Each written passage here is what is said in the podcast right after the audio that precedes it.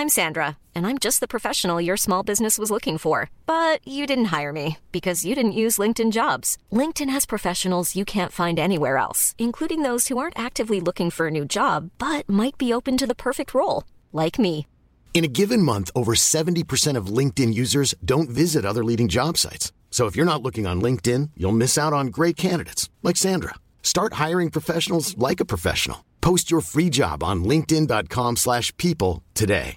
Everyone knows therapy is great for solving problems, but getting therapy has its own problems too, like finding the right therapist, fitting into their schedule, and of course, the cost. Well, BetterHelp can solve those problems. It's totally online and built around your schedule. It's surprisingly affordable too. Connect with a credentialed therapist by phone, video, or online chat, all from the comfort of your home. Visit betterhelp.com to learn more and save 10% on your first month. That's BetterHelp H E L P. Hej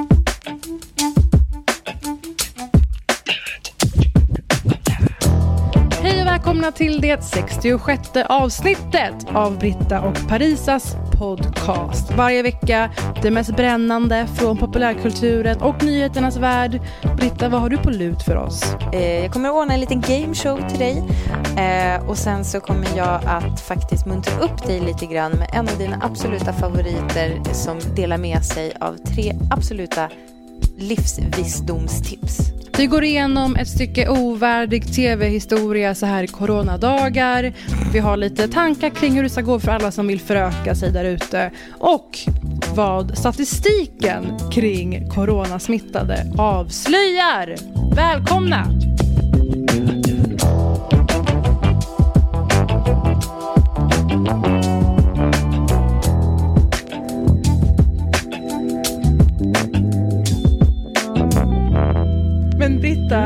Real talk. Jag har en real talk. Det är ju premiärvecka för ditt program. Det är det. Det hade premiär igår. Om du frågar mig, folk har ju frågat om jag har premiärnerver. Eh, och Just det har jag absolut, men kanske inte för så här, åh, hur ska programmet tas emot och sådär. Alltså självklart vill jag att många ska titta. Men jag vill också Ja. att inte lika många ska titta just för att jag, alltså, jag har verkligen en så här känsla eh, som är, eh, när jag tittar på det där programmet, då tänker jag så här, så jag är alltså fulare än vad jag tror.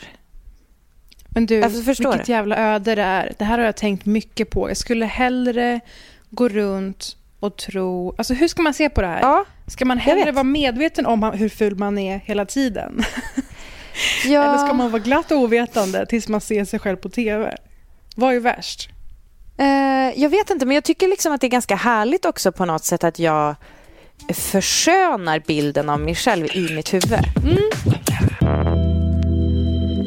Kalle var ju måndags på Morgonstudion på SVT och pratade om vårt program. Succé. Och det var ju kul och det var också roligt att Mm. han liksom gled iväg på ett spår om kapitalismen som var, eh, tycker jag, var väldigt kul. Det var väldigt kul. De snoppade av honom så fruktansvärt fort. Ja, precis. Då, då blev det dags Han att runda av. släppte K-bomben Ja, kul. i direktsänd public service. Precis, och då bara, ja, och då programmet har premiär. Eh, Britta, serien heter ju Hjälp, vi har köpt en bondgård. Am I Ja. right? Ja.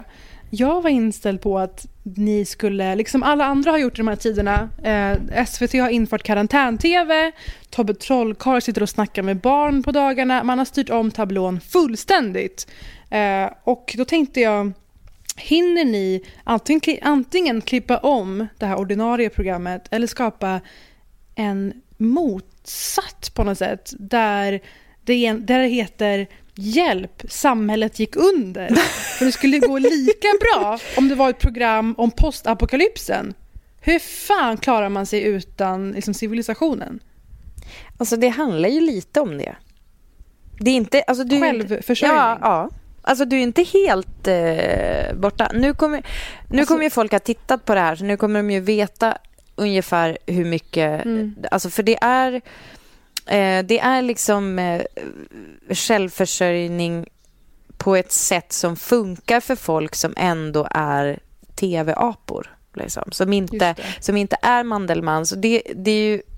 Det, nu ska inte jag försöka på något sätt sälja in serien för jag tänker så här, de, som vill, de av våra lyssnare som vill titta på den har redan gjort det vid det här laget. Mm. Men jag menar, det som är grejen är ju att det passar ju perfekt. Det du säger nu, jag önskar att vi hade döpt det till det istället. För det passar ganska bra. se, Säsong två kanske? När, men när ni såg allt det här hända runt om i världen, satt ni i soffan och kollade på varandra och höll ett leende tillbaka?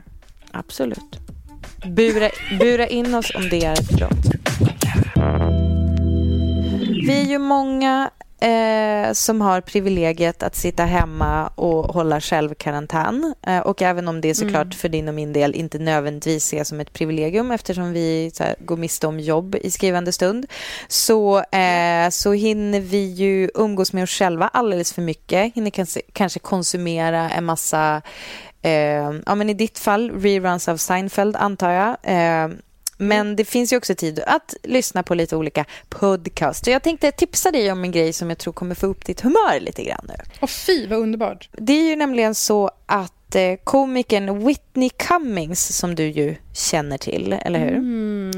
Eh, vi, Whitney Cummings eh, gjorde väl, ska man säga, succé på bred front när hon samtidigt som hon hade en komediserie, en sitcom med, alltså självbetitlad, eh, så hade hon också, så sålde hon in eh, Two Broke Girls som hon var showrunner för och skrev manus till. Mm.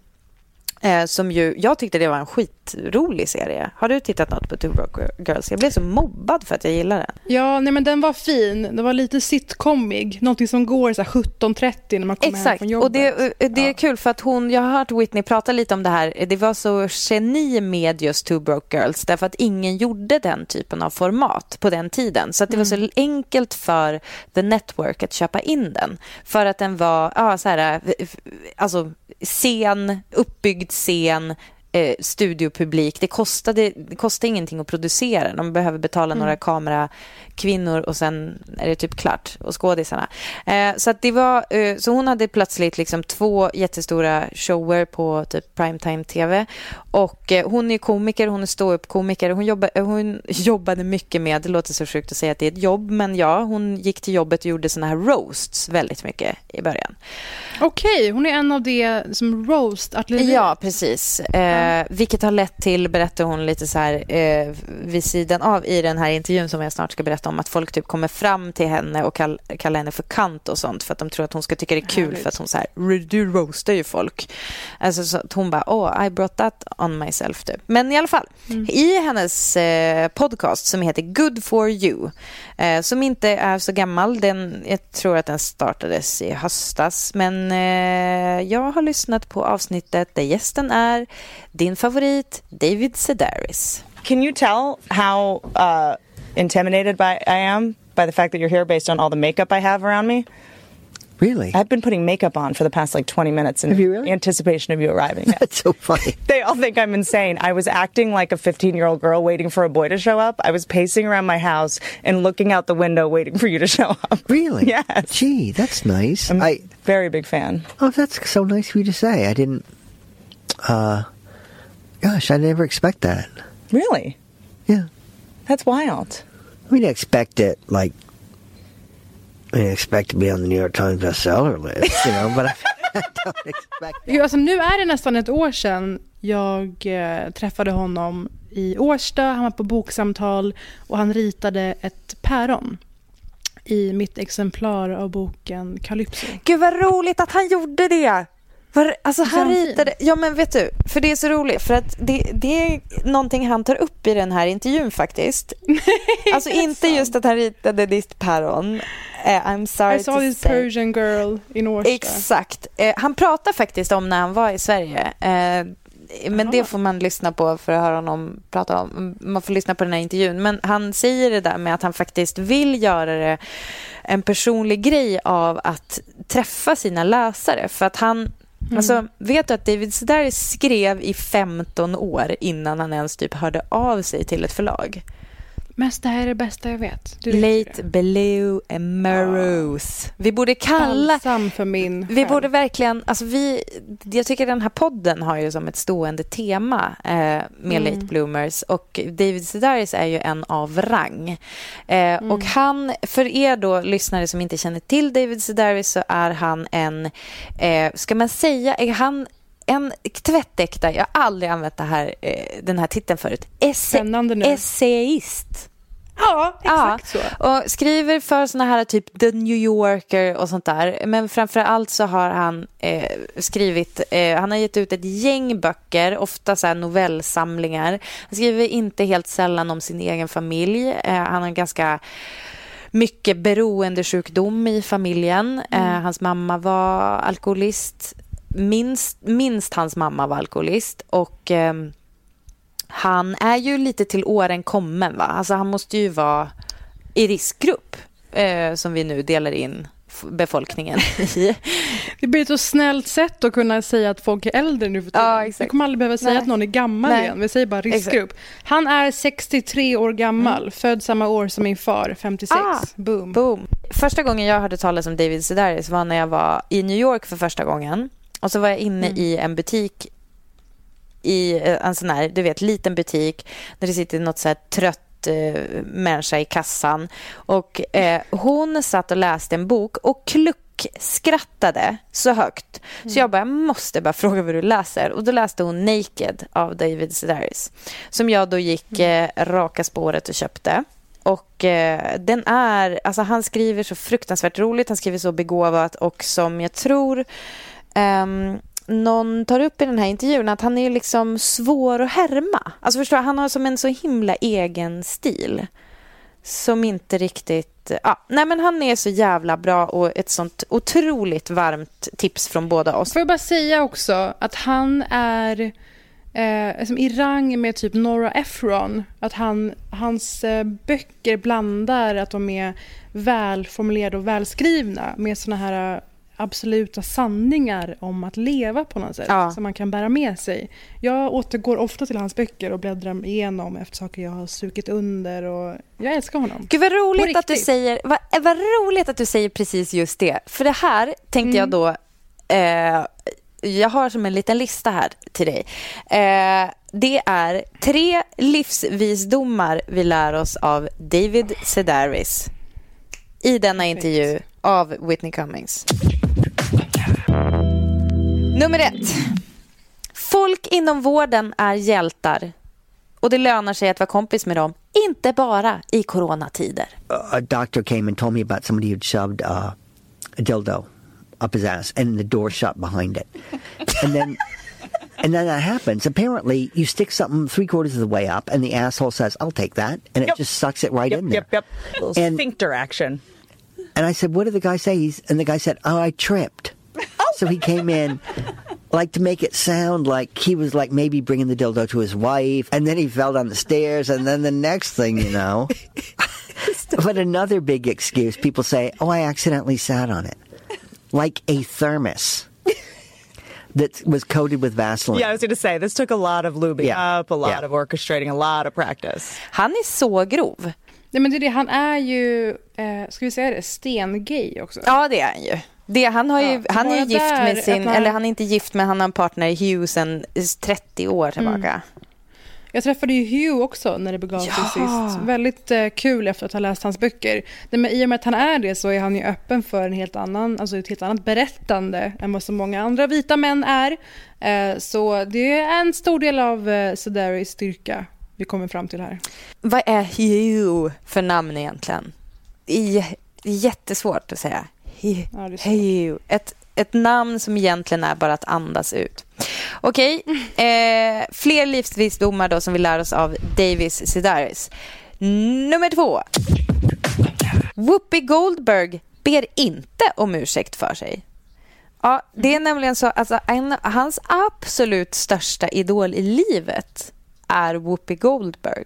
Och även om jag också kan känna att jag, jag känner en otrolig värme för Whoopi Goldberg, inte minst för att Sister Act 2 är min bästa film, kanske topp fem.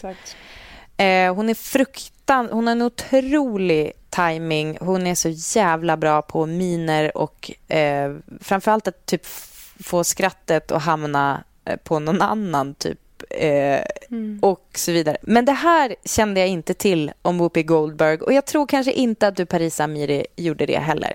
Have you seen on The View that she just farts whenever she wants? Will you find? Will you pull this up?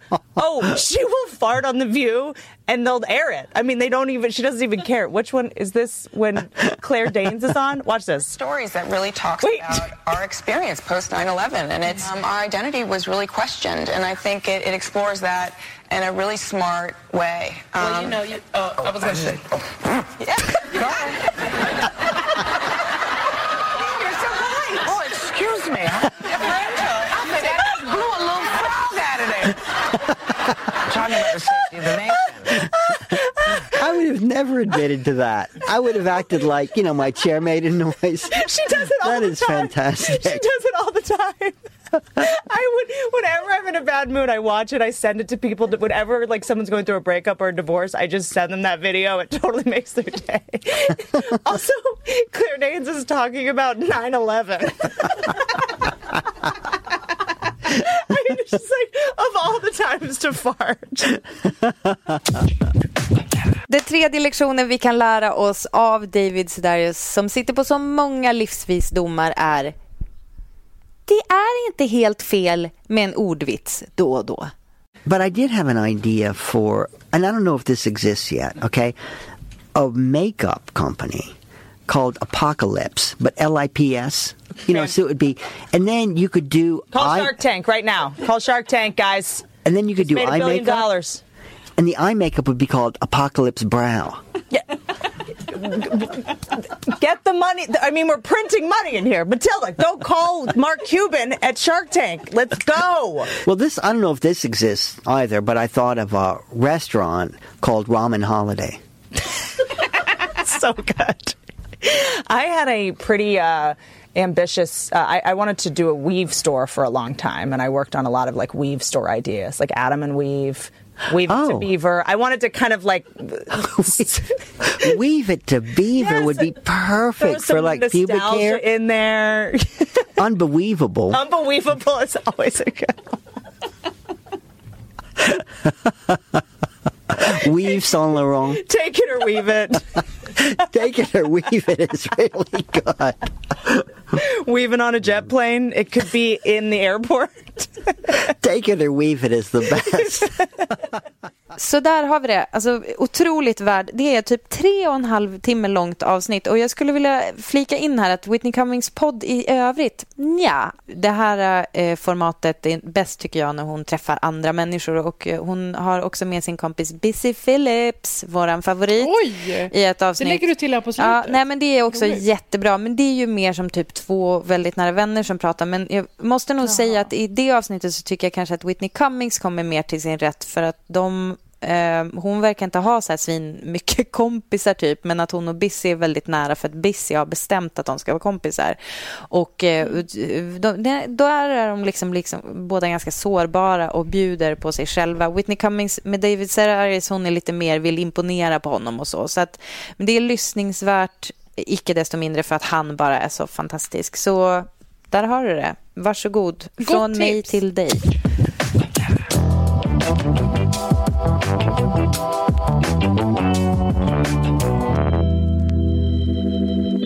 Britta, vi lär oss ju väldigt, väldigt mycket om det mänskliga psyket just nu. Åh, Tycker du inte? ja, för mycket. Eller liksom, usch, jag Alltså, hatar nej. att jag är en försökskanin i det. Okej, det är en grej som har hänt i veckan som verkligen understryker att människor är märkligare än någonsin och att det håller på att hända någonting med oss alla. Britta, du kommer få ett klipp nu på din telefon från en viss tv-studio. Du kommer känna igen den direkt. Kan inte du bara liksom se det och berätta as you go? Men Oscar har alltså beslutat sig att eh, lämna in sig frivilligt här i vår studio. Vad jag förstår så är han utanför dörren i detta nu. Välkommen in, Oscar. Hasse Aro. Hasse Aro, du, Han du känner med. igen studion. Nu kommer det en kille med händerna, med mössan i hand. Oj, där kom två. Okej. Ja, det var så långt du fick komma tyvärr för poliserna. I Efterlyst-studion så kommer det in en kille genom eh, ja, typ backstage-dörrarna. Sen är, det, sen är det två väldigt obekväma poliser.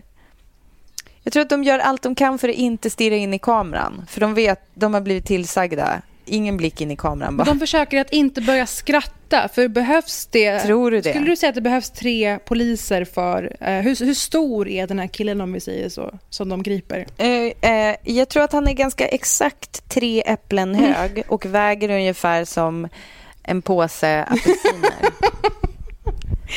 Okej. Eh, och sen, det är faktiskt en tredje polis på plats. Det är två som tar tag i honom. Sen är det en tredje på plats, men som gör bedömningen att okej, jag behöver inte ingripa prick just Mm. nu. Jag tror att de har på sig varsin lamottväst Just också det. under eh, sina Som polisuniformer. det numera är känt som. Och du har bara fått den sista snutten av det här klippet där alltså en man Ja. eh, lämnar in sig själv i tv-studion, i live-tv. Alltså, en man, är det en pojke? det är mer Kanske en pojke. mer. Det är en pojkman. Han heter Ja. Oscar. Du, varför, eh, varför gör du det här? Varför lämnar du in dig själv? Jag vet inte, det är så, som en rolig grej. Som en rolig grej. Tycker du att det här var roligt? Ja, det tycker jag. Jag tycker det var bra gjort av dig i alla fall. Lycka till Oskar. Hej då. Ja, så kan det gå till. Eh, och du kanske är nyfiken nu, hur har Oscar hamnat här? Ja. Vad, alltså, I sitt liv och i denna studio. Det här är ju lite som en P3-dokumentär in the making. Nu ska vi få se förloppet innan, bakgrunden till det här griperiet i Efterlyst-studion. För två veckor sedan rymde tre stycken interner från Skenesanstalten utanför Norrköping. Anstalten hade infört besöksförbud på grund av coronaviruset och det här förbudet fick de tre att fly från anstalten. Två av dem greps ganska snart. Men den tredje är fortfarande på fri fot. Ett litet tag till. Nu har det gått två veckor sedan rymningen och Oskar är fortfarande efterlyst av polisen. Ja, alltså jag vill ju sitta av mitt straff. Tanken var ju att bara vara ute någon dag eller två. Han satt Ja. alltså på finkan, anstalten, eh, på grund av narkotikabrott, vilket man ganska lätt skulle kunna anta av hans uppsyn. Men Oscar och hans två kompisar lyckades fly. De andra två kompisarna blev gripna kort därefter. Oscar klarade sig, men ville in igen i fängelset. Så han sökte själv upp Efterlyst. Vilket jävla tilltag. Jag känner att jag ömmar lite för Oscar. Jag, blir, jag, jag tycker liksom... Ska du vända Alltså- nu helt? Eller skulle han... Jag vet, jag vet liksom inte om, om han eh, ve- visste vad som hände i världen ute. Nej. Förstår du? Alltså att han, han bara så här, oj det här suger, bäst att dra ut och så, för, så var det liksom kanske roligare att sitta i fängelse eh, än Sverige i coronatider. Ja, det är fan en Det fick han lära sig den hårda vägen. Och jag vet inte, jag, jag tror... Jag, jag önskar att jag kunde sånt här, men jag tror inte nödvändigtvis att det blir ett längre straff för att man gör en rymning. Han, Stämmer han det här? hade dessutom 12 dagar kvar. Nej men lilla Oscar. vännen. Nej, men så det roligaste för mig är att Oscar har handlings, eh, han är så handlingskraftig. Han ringer upp Efterlyst, Mm, träffar dem för en intervju och eh, han har ju en tv-personlighet. Han såg att det här var hans stund. Så när Hasse Aro där Mm. Kul tidigare grej. säger varför har du gjort det här? Det känns som en kul grej. Det är ju en tv-stjärna. Så jag hoppas att det här leder till att Oscar får massa nya tv-gig. Men det säger ju tveklöst någonting om att folk håller på att tappa det på alla möjliga sätt. Oscar är garanterat med i nästa säsong av X on the beach. Ja, eller Big Eller Brother. liknande. Han kanske kommer stormtrivas inlåst där. Men det här får mig att tänka mer på eh, The Leftovers. Jag kom på att vi inte har snackat om den. Har du sett den? Mm.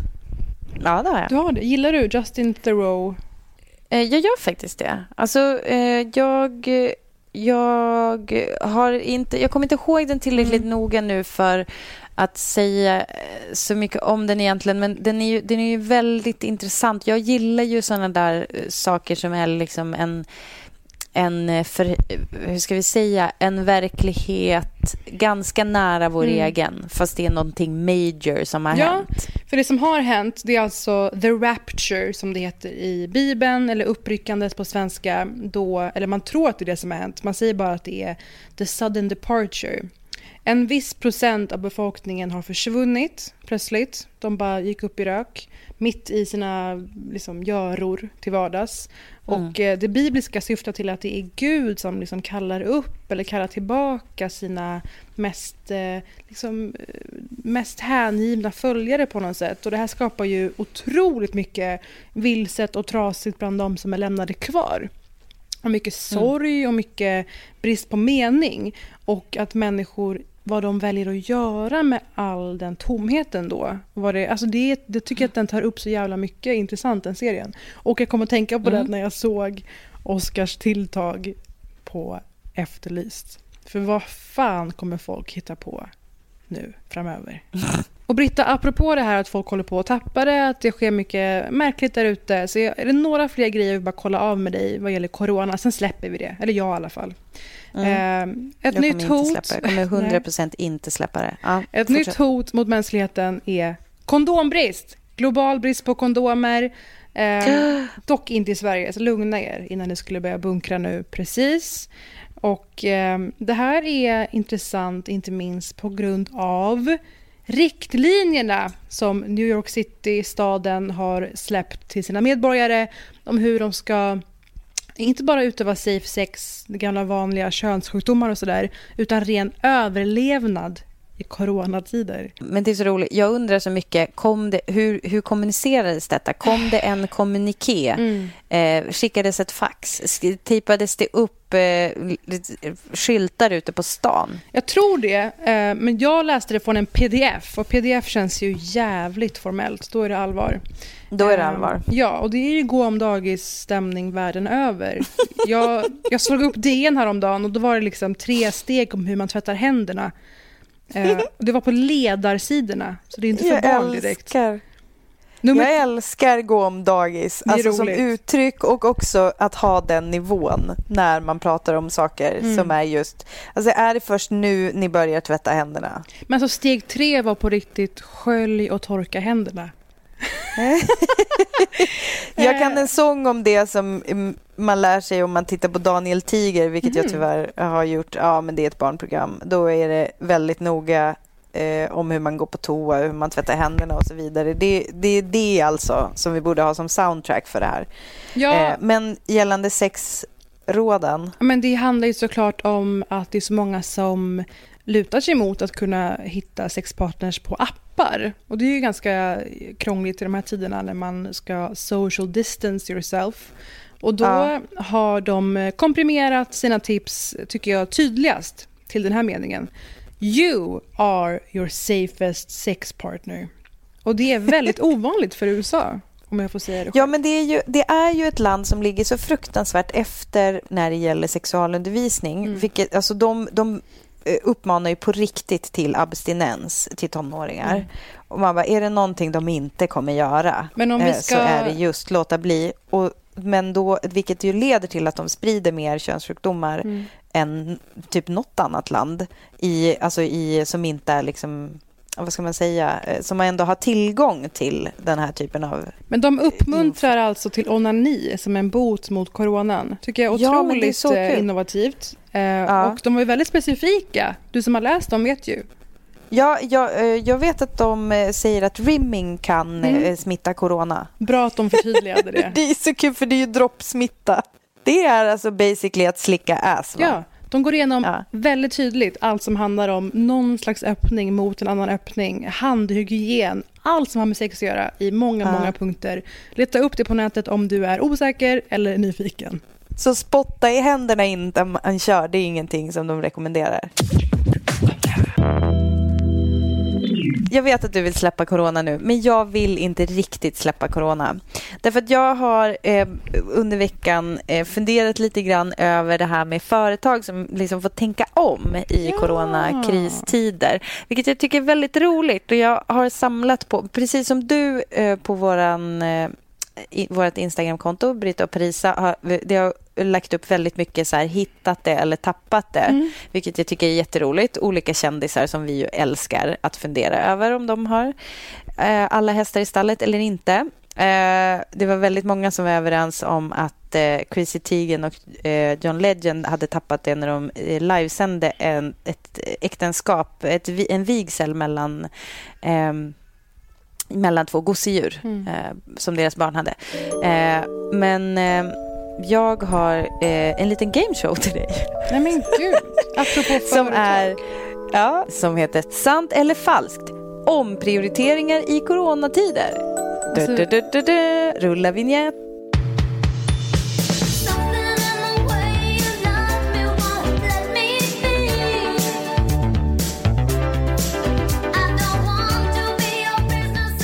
Jag kommer att läsa några påståenden om omprioriteringar i coronakristider. Och du ska säga om det är sant eller falskt. Så enkelt är det. Okej, och man är kan redo. ha rätt, man kan vinna. Mm, älskar det. Mina två bästa Okej. grejer. Konsumtion av lyxvaror går lite på sparlåga just nu.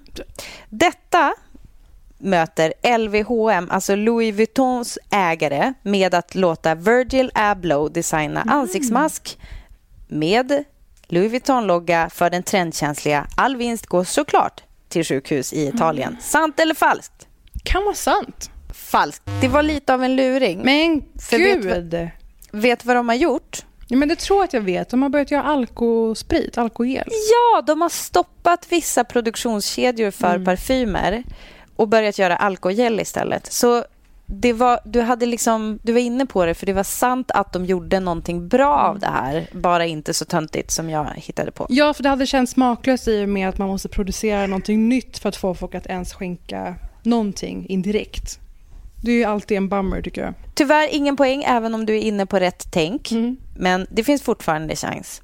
Nästa fråga då. Sant eller falskt? Transportföretaget Samtrans går nästan utan körningar nu eh, eftersom de inte behöver skjutsa färdtjänstfolk, till, brukare till sina släktingar och så vidare. Detta gör att de istället har sadlat om och byter namn till Samtrams och levererar skämtartiklar hem till folk i stugorna som behöver muntras upp. Sant eller falskt?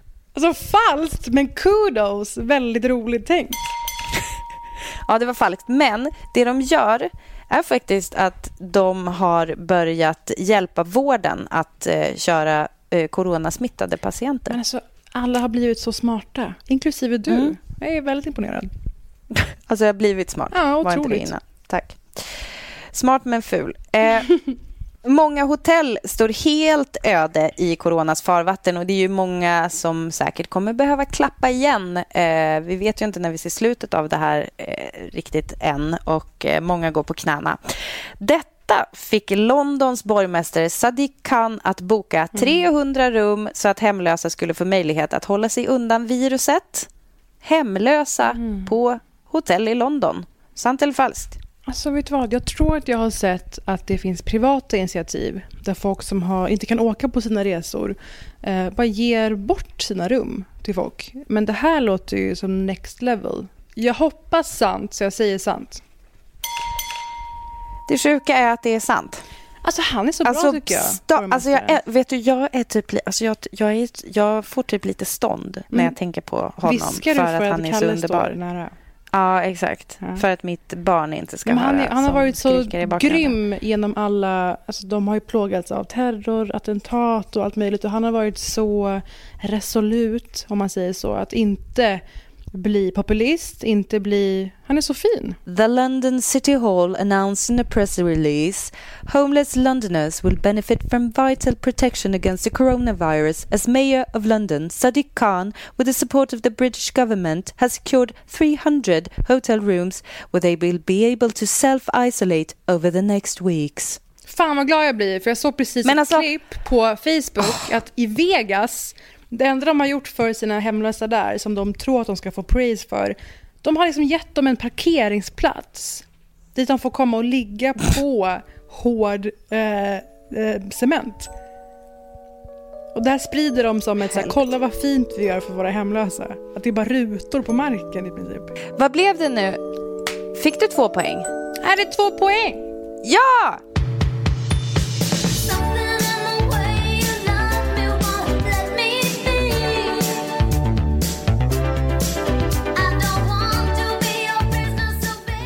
Det har ju spekulerats ganska mycket i att män är överrepresenterade bland coronasmittade.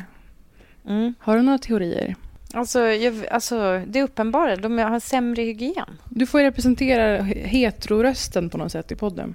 Alltså jag är också hetero tyvärr, men som lever i en parrelation. Sa inte jag det till dig när jag var hemma hos dig? Att jag älskar att vara hemma hos tjejer som bor, och, äh, äh, som bor med tjejer.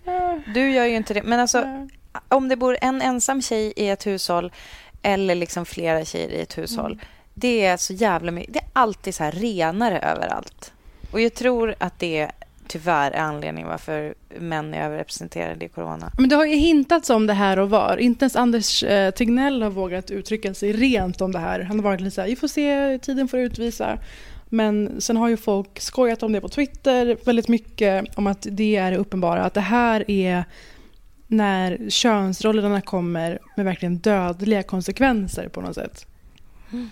Eh, och jag tror att det dels är någon slags, ja, men, som du säger, norm eller vad det kan vara kring renlighet eller liksom bilden av manlighet och sådär.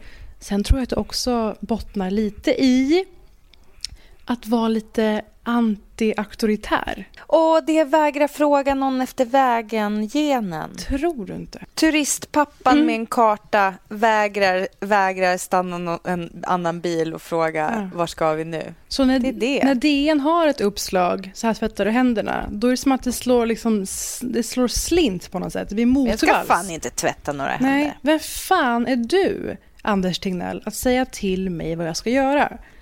Mm. Så det kanske är folk som har alltid haft god hygien innan och nu som någon slags trotsig motvallsstil har slutat. Eh, och det här som tjatas om från olika förlåt medelålders män att nej men vadå, det här är ju bara som vilken influensasäsong som helst. Det tycker jag att jag ser eka på olika kommentarsfält eh, och Ja, ja. de människorna, det har ju slagits fast att eh, nej men det är ju tio gånger högre dödlighet, den här influensan. Och eh, oavsett, varför inte bara lyssna på vad myndigheterna säger? Men Det här, jag vet vad jag kä- för känslor nu. Nu tänker jag på när jag var på en riktigt vidrig eh, grej som var ett eh, event, höll jag på att säga. Nej, men jag och Kalle var på en kurs för att han skulle bli min handledare när jag skulle ta körkort. Mm, tre timmar. Och det, det kan ju absolut förstöra vilken relation som helst att den ena ska vara handledare till den andra. Det kan jag absolut inte rekommendera till någon som vill fortsätta vara ihop. Men det som hände när vi gick den där utbildningen, det var en fin sak med det och det var att vi fick en gemensam fiende. Mm. Nämligen alla farsor i rummet. För då sitter det ju då människor som är, som, har, som är där med sina söner och döttrar och då är det ju då pappan i hemmet som har utsetts eh, till ansvarig för att övningsköra med det här barnet. Och då eh, så är det då, råkar det tyvärr vara en kvinnlig person som höll i den här kursen. Hon var ju då lärare på den här körskolan. Och som då, när hon då säger olika regler som finns i trafiken. Därför att hon är inte där, hon är inte utsänd för att fucka med oss, utan hon är utsänd för att lära oss saker. Men då sitter ju de här gubbarna med armarna i kors och bara Jag har haft körkort i 30 år. Ska du Herregud. säga till mig att högerregeln inte gäller på en lalalala? Alltså du vet så här, så långt. Nej men det var, alltså det var sån kaos i ehm, Men du hamnade i någon sån här Felix Herngren Grotesco-sketch. Ja, det var en sketch. det låter det var sketch, för absolut. basic, men det här hände Nej, alltså. men det, jag vet. Alltså det, var, det hade inte varit... Eh, alltså det beteendet var för sketchartat så att man hade, så här, när man hade gjort manuset så hade man varit lite så här, ah, måste vara lite mer trovärdig karaktär. Kanske lite snäll och Mm. uppmuntrande någonstans. Men de var, de var bara rakt av, det var som att de såg hela sin manlighet kopplad Mm. till liksom hur väl de kunde köra bil. Så det här kan jag absolut förstå och det är självklart är det ju de som sprider den här jävla skiten. Så det är någon slags kombination mellan faktaresistens, tid och typ och person som vill vara motvalls och det som kallas för, ja, lite slarvigt, giftig eller daterad manlighet. Men det här faktiskt leder oss in på ett ämne som har fått folk att säga hallå, vad hände med det utlovade Hillary-snacket? Det är alltså Hillary-dokumentärserien. Fyra avsnitt, finns på SVT Play i Sverige.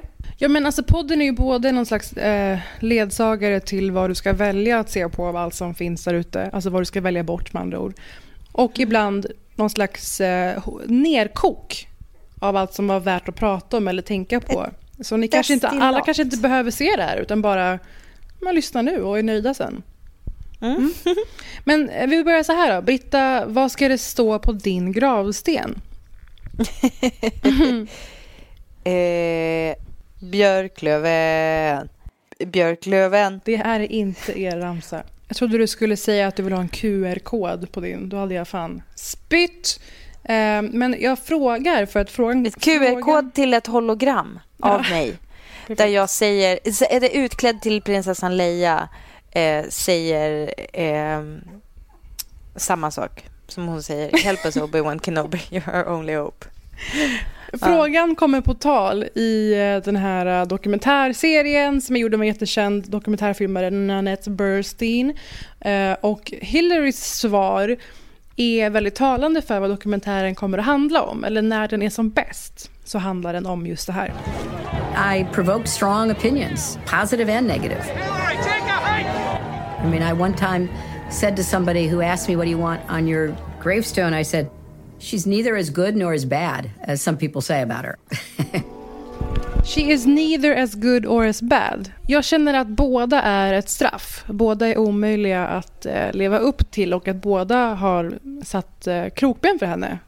Mm. Därför hon inte blev president. Eh, och Nanette Bursteins dokumentärserie om Hillary Clinton är som bäst när den just ligger kvar i frågan kan vi någonsin få en kvinnlig president i USA, i ett land som USA, än när det handlar specifikt om Hillary, kanske. För det är ju framförallt hennes kollegor och så som får uttala sig och det blir ibland lite ensidigt romantiserande kan jag tycka av henne. Och många som jag har bollat den här serien med senaste veckan har liksom nästan suckat lite trött när hon, när hon kommer på tal. Folk är lite less på frågan om Hillary och vad som hände. Jag är väldigt fascinerad av Hillary. Eh, att bara det att typ komma igenom en sån megaskandal mm. som det ju faktiskt var vad Bill Clinton gjorde mot Monica Lewinsky, måste man ju säga. Alltså mm. även fast deras förhållande var consensual och bla bla bla. Så han hängde ju verkligen ut henne på ett riktigt vidrigt sätt. Um, jag har lyssnat på mycket intervjuer med Monica Lewinsky. Hon är ju superintressant person. Och att Hillary liksom lyckas... Alltså fan, bara gå vidare. Mm. Eh, det skulle ju ha sönder vem som helst, tror jag. Eh, men hon känns ju jättestark. Så jag vet inte fan. Jag tycker, snackar vi nog om Hillary? Känner jag typ. Ja, alltså Hillary har ju också, eh, jag tror just det här med neither as good or as bad har gjort till att hon har dels omöjliga krav på sig och förväntningar på sig, så det är så mycket mm. högre fallhöjd. Och sen mm. också att hon har fått bära all vad skuld heter i form av eh, väst kontra öst, om man ska säga så, lite slarvigt. Eh, USAs eh, olika krigsherravälden och eh, folk lägger det gärna på henne. För att hon ska ju vara bättre än så för att hon är kvinna på något sätt. Eh, jag kommer ihåg att eh, Gloria Steinem som vi ofta återkommer till, min kärlek i livet, mm. hon eh, skriver någonstans i sin bok My Life on the Road att att en pedestal är lika mycket av en, en för narrow space. Mm. Att det också är en kvinnoroll som är omöjlig på något sätt. Och mm det här med Monica Lewinsky tas upp, absolut. Säkert många som klickar sig in och bara hoppas på att bara få se det. Det är faktiskt ett väldigt, eh, förlåt, kul ögonblick för att där kommer det fram att Bill Clinton har liksom förväxlat att ta antidepp med att knulla en praktikant. Everybody's life has pressures and disappointments and terrors, fears of whatever. Things I did to manage my anxieties for years.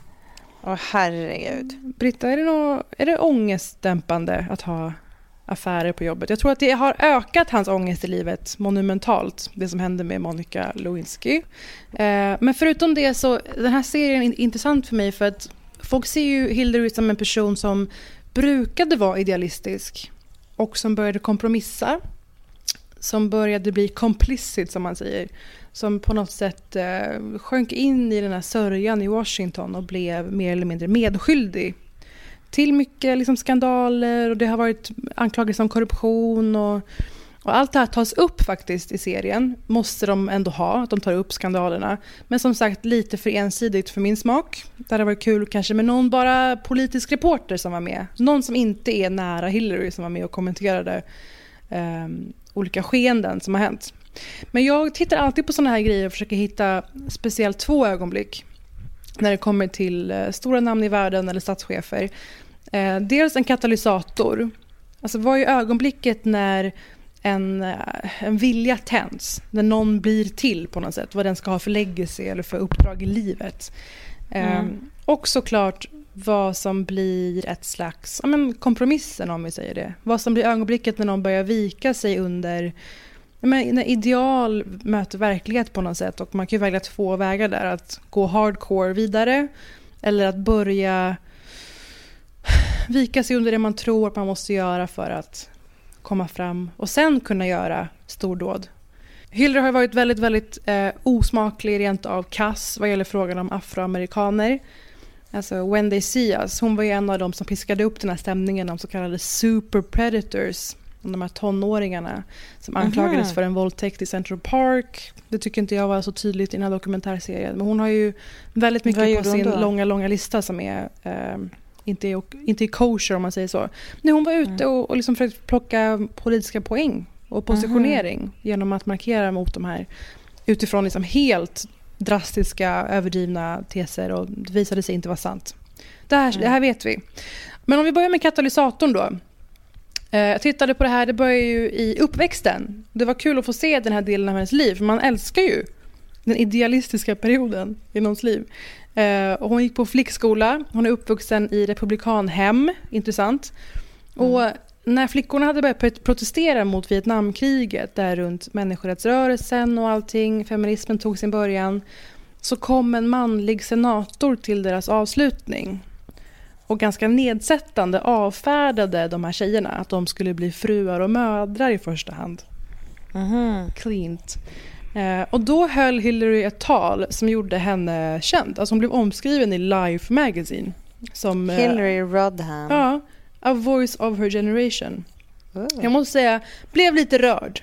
Så här lät det. Hillary got up and instead of starting off with her speech, which I mean, she had it written, it was in front of her, she just started talking. What I'm speaking for today is all of us. And I find myself reacting just briefly to some of the things that um, Senator Brooks said. We feel that for too long, our leaders have viewed politics as the art of the possible. And the challenge now is to practice politics as the art of making what appears to be impossible possible. Every protest, every dissent is unabashedly an attempt to forge an identity in this particular age. You can't discount us simply because of our youth or because we're women. Så här blir Hillary plötsligt övertygad demokrat. Så det här är ju pre-kompromissen Kul. kan man säga då. Ja.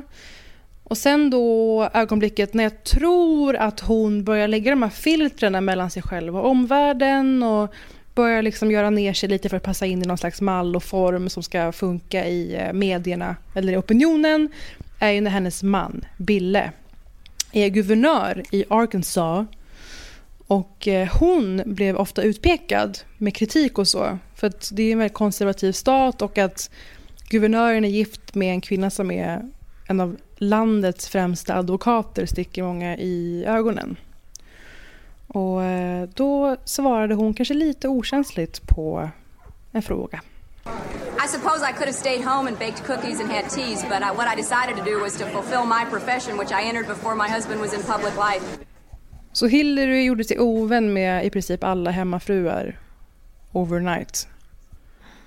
Och det vi vet om kvinnohat är ju att både män och kvinnor hatar kvinnor. Mm. Eh, speciellt kvinnor som frångår det som förväntas av dem och som andra kvinnor kämpar med att leva upp till. Mm. Det här återkommer vi till gång på gång på gång. Jag tycker, jag tycker att Hillary får för lite cred för att hon är liksom ganska rolig. Hon är som jävligt så här hård men ändå ganska som lite haggigt garvig också på något sätt. Ja, och här är ju innan hon började tygla det. Och det är så tydligt från en stund till en annan att hon sen börjar ha supervolym i, höret, i håret och gulliga örhängen i livesända tv-intervjuer. Hatar du hemmafruar? No, of course not. Alltså hon Mm. går från en ga- ganska, inte yxig person, men en person med udd till en Mm. person som vill bli omtyckt. Och det var ju som början på slutet på något sätt. För det, alltså, man kan ju Ja. inte vilja bli omtyckt. Eller tvingas. Alltså jag Ja. menar, jag, jag vet inte så mycket om Vita huset men jag tänker att det fanns väl ganska starka krafter som då ville få henne att tona ner det där. Ja. Det var väl för Bills skull då. Jo, men sen klipp till Trump, då används ju allt det här mot henne. Och de, den här dokumentären, dokumentärserien är otrolig som tidsdokument runt valkampanjen 2016 också, såklart. Men won't vote for Hillary Clinton because she reminds them of their nagging wives. The PMS and the mood swings, right? It's just awfully good that someone with the temperament of Donald Trump is not in charge of the law in our country. Because you'd be in jail. Secretary Clinton. Massa material man aldrig har sett som visar så tydligt att alltså det här är ett land som, där kvinnohat är egentligen någonting man är överens om. Kvinnor är inte lika bra som män på vissa saker. Nej. Och kvinnor har gälla jobbiga röster och ska hålla käften. Och eh, Trump drev ju om allt ifrån att Hillary måste ha mens i livesända debatter till alltså att återuppleva den här tiden känns ju extra bra nu när vi ser honom på presskonferenser varje dag i och med corona. Eh, fan vad de får stå sitt kast nu, det här landet. Kan jag känna lite grann. Jag vill inte vara omänsklig, men ja, mm, jag är inte... Hur ska man säga det här? Men måste man vara så jävla diplomatisk hela tiden? Alltså, Men de, det, så här, det de, som, ja, de som hejade så mycket inte- på Trump, det här är vad ni fick. Om vi bara säger så. Alltså jag menar, Trump har ju från början varit, eh, har haft stöd hos folk som Mm. är lite sämre bemedlade trots att det är precis de han fuckar med sin politik. Mm. Och nu blir det här extra tydligt. Eh, så det är, ju, det är ju ironiskt, absolut. Och det är ju Mm. inte jättekul. Det är inte kul, haha. Ja, men jag tror att det här kan vara alltså, intressant och spännande även för någon som inte har koll på Hillary Clinton eller på politik eller eh, feminism ens. För att det är en intressant resa för bara en människa överlag. Jävligt unikt skede. Eh, Och också en unik livsresa.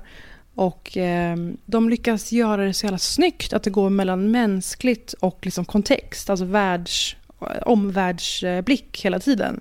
Så jag, alltså jag plyde den här fyra timmars dokumentärserien. Mm. Var själv chockad. En bra grej som Hillary Clinton har gjort också Mm. är ju att hon tog Ronan Farrow under sina vingar. Eh, han eh, fick... Den här personen som då är eh, son till Mia Farrow och eh, eh, Woody Allen Mm. som eh, ju har ja, typ varit väldigt, väldigt viktig för metoo-rörelsen. Mm. Eh, och jag tror att jag nämnde hans eh, podcast som heter The Catch and Kill Podcast Mm. eh, i tidigare avsnitt. Han är ju en, alltså en så jävla whiz-kid, alltså ett riktigt jävla underbarn. Han är typ eh, gick, eh, började på college när han var 11 och sånt där. Alltså en riktig sån jävla Doogie Howser-unge. Men han, hans första eh, riktiga jobb var ju eh, på typ Hillary-kampanjen. Eller han, han har liksom varit hennes adept typ. Men det är Eh, intressant för man kan ju gå both ways med det där. Att man blir superkänd eller att ens Gud, ja. pappa gör den här grejen, att man blir supermanstillvänd. Eh, Ja. Men han valde att gå raka, raka motsatsen egentligen. Ja, alltså han är ju han är ju en otrolig person. Och den här Catch and Kill podcast handlar ju om liksom, metoo-grejer. Mm. Alltså, Samma namn Weinstein. som hans bok också, som jag faktiskt har fått hem nyligen. Ah, aha, Mm. kul. Då kanske det är ett boktips också. We'll see. Ja. Eh, ska vi säga så? Ska vi runda av nu? Alltså, Vad ska veta göra? det, lyssnare, att vi har ju ingen studio numera. Så vi sitter ju och rasslar med utrustning och det är batterier och det är minneskort. Den här inspelningen Ja, har det pågått i, är det tre timmar?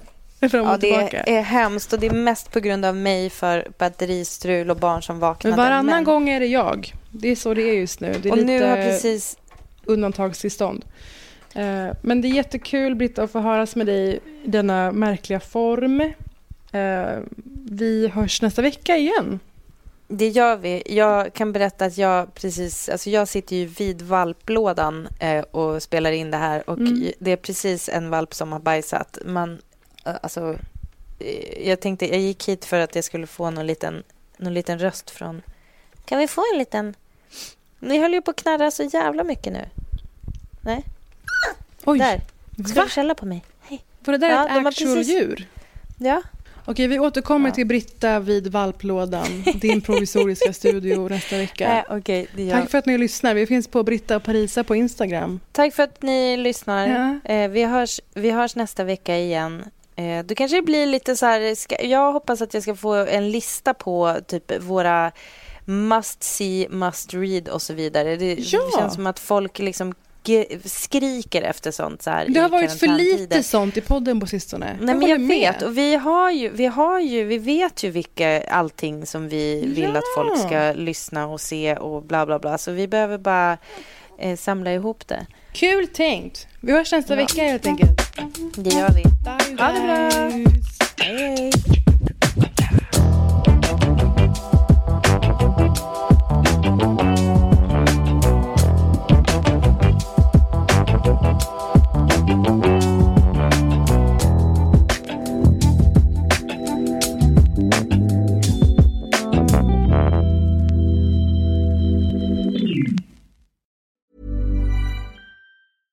Even when we're on a budget, we still deserve nice things. Quince is a place to scoop up stunning high-end goods for 50 to 80% less than similar brands. They have buttery soft cashmere sweaters starting at $50, luxurious Italian leather bags, and so much more. Plus, Quince only works with factories that use safe, ethical, and responsible manufacturing. Get the high-end goods you'll love without the high price tag with Quince. Go to quince.com slash style for free shipping and 365-day returns.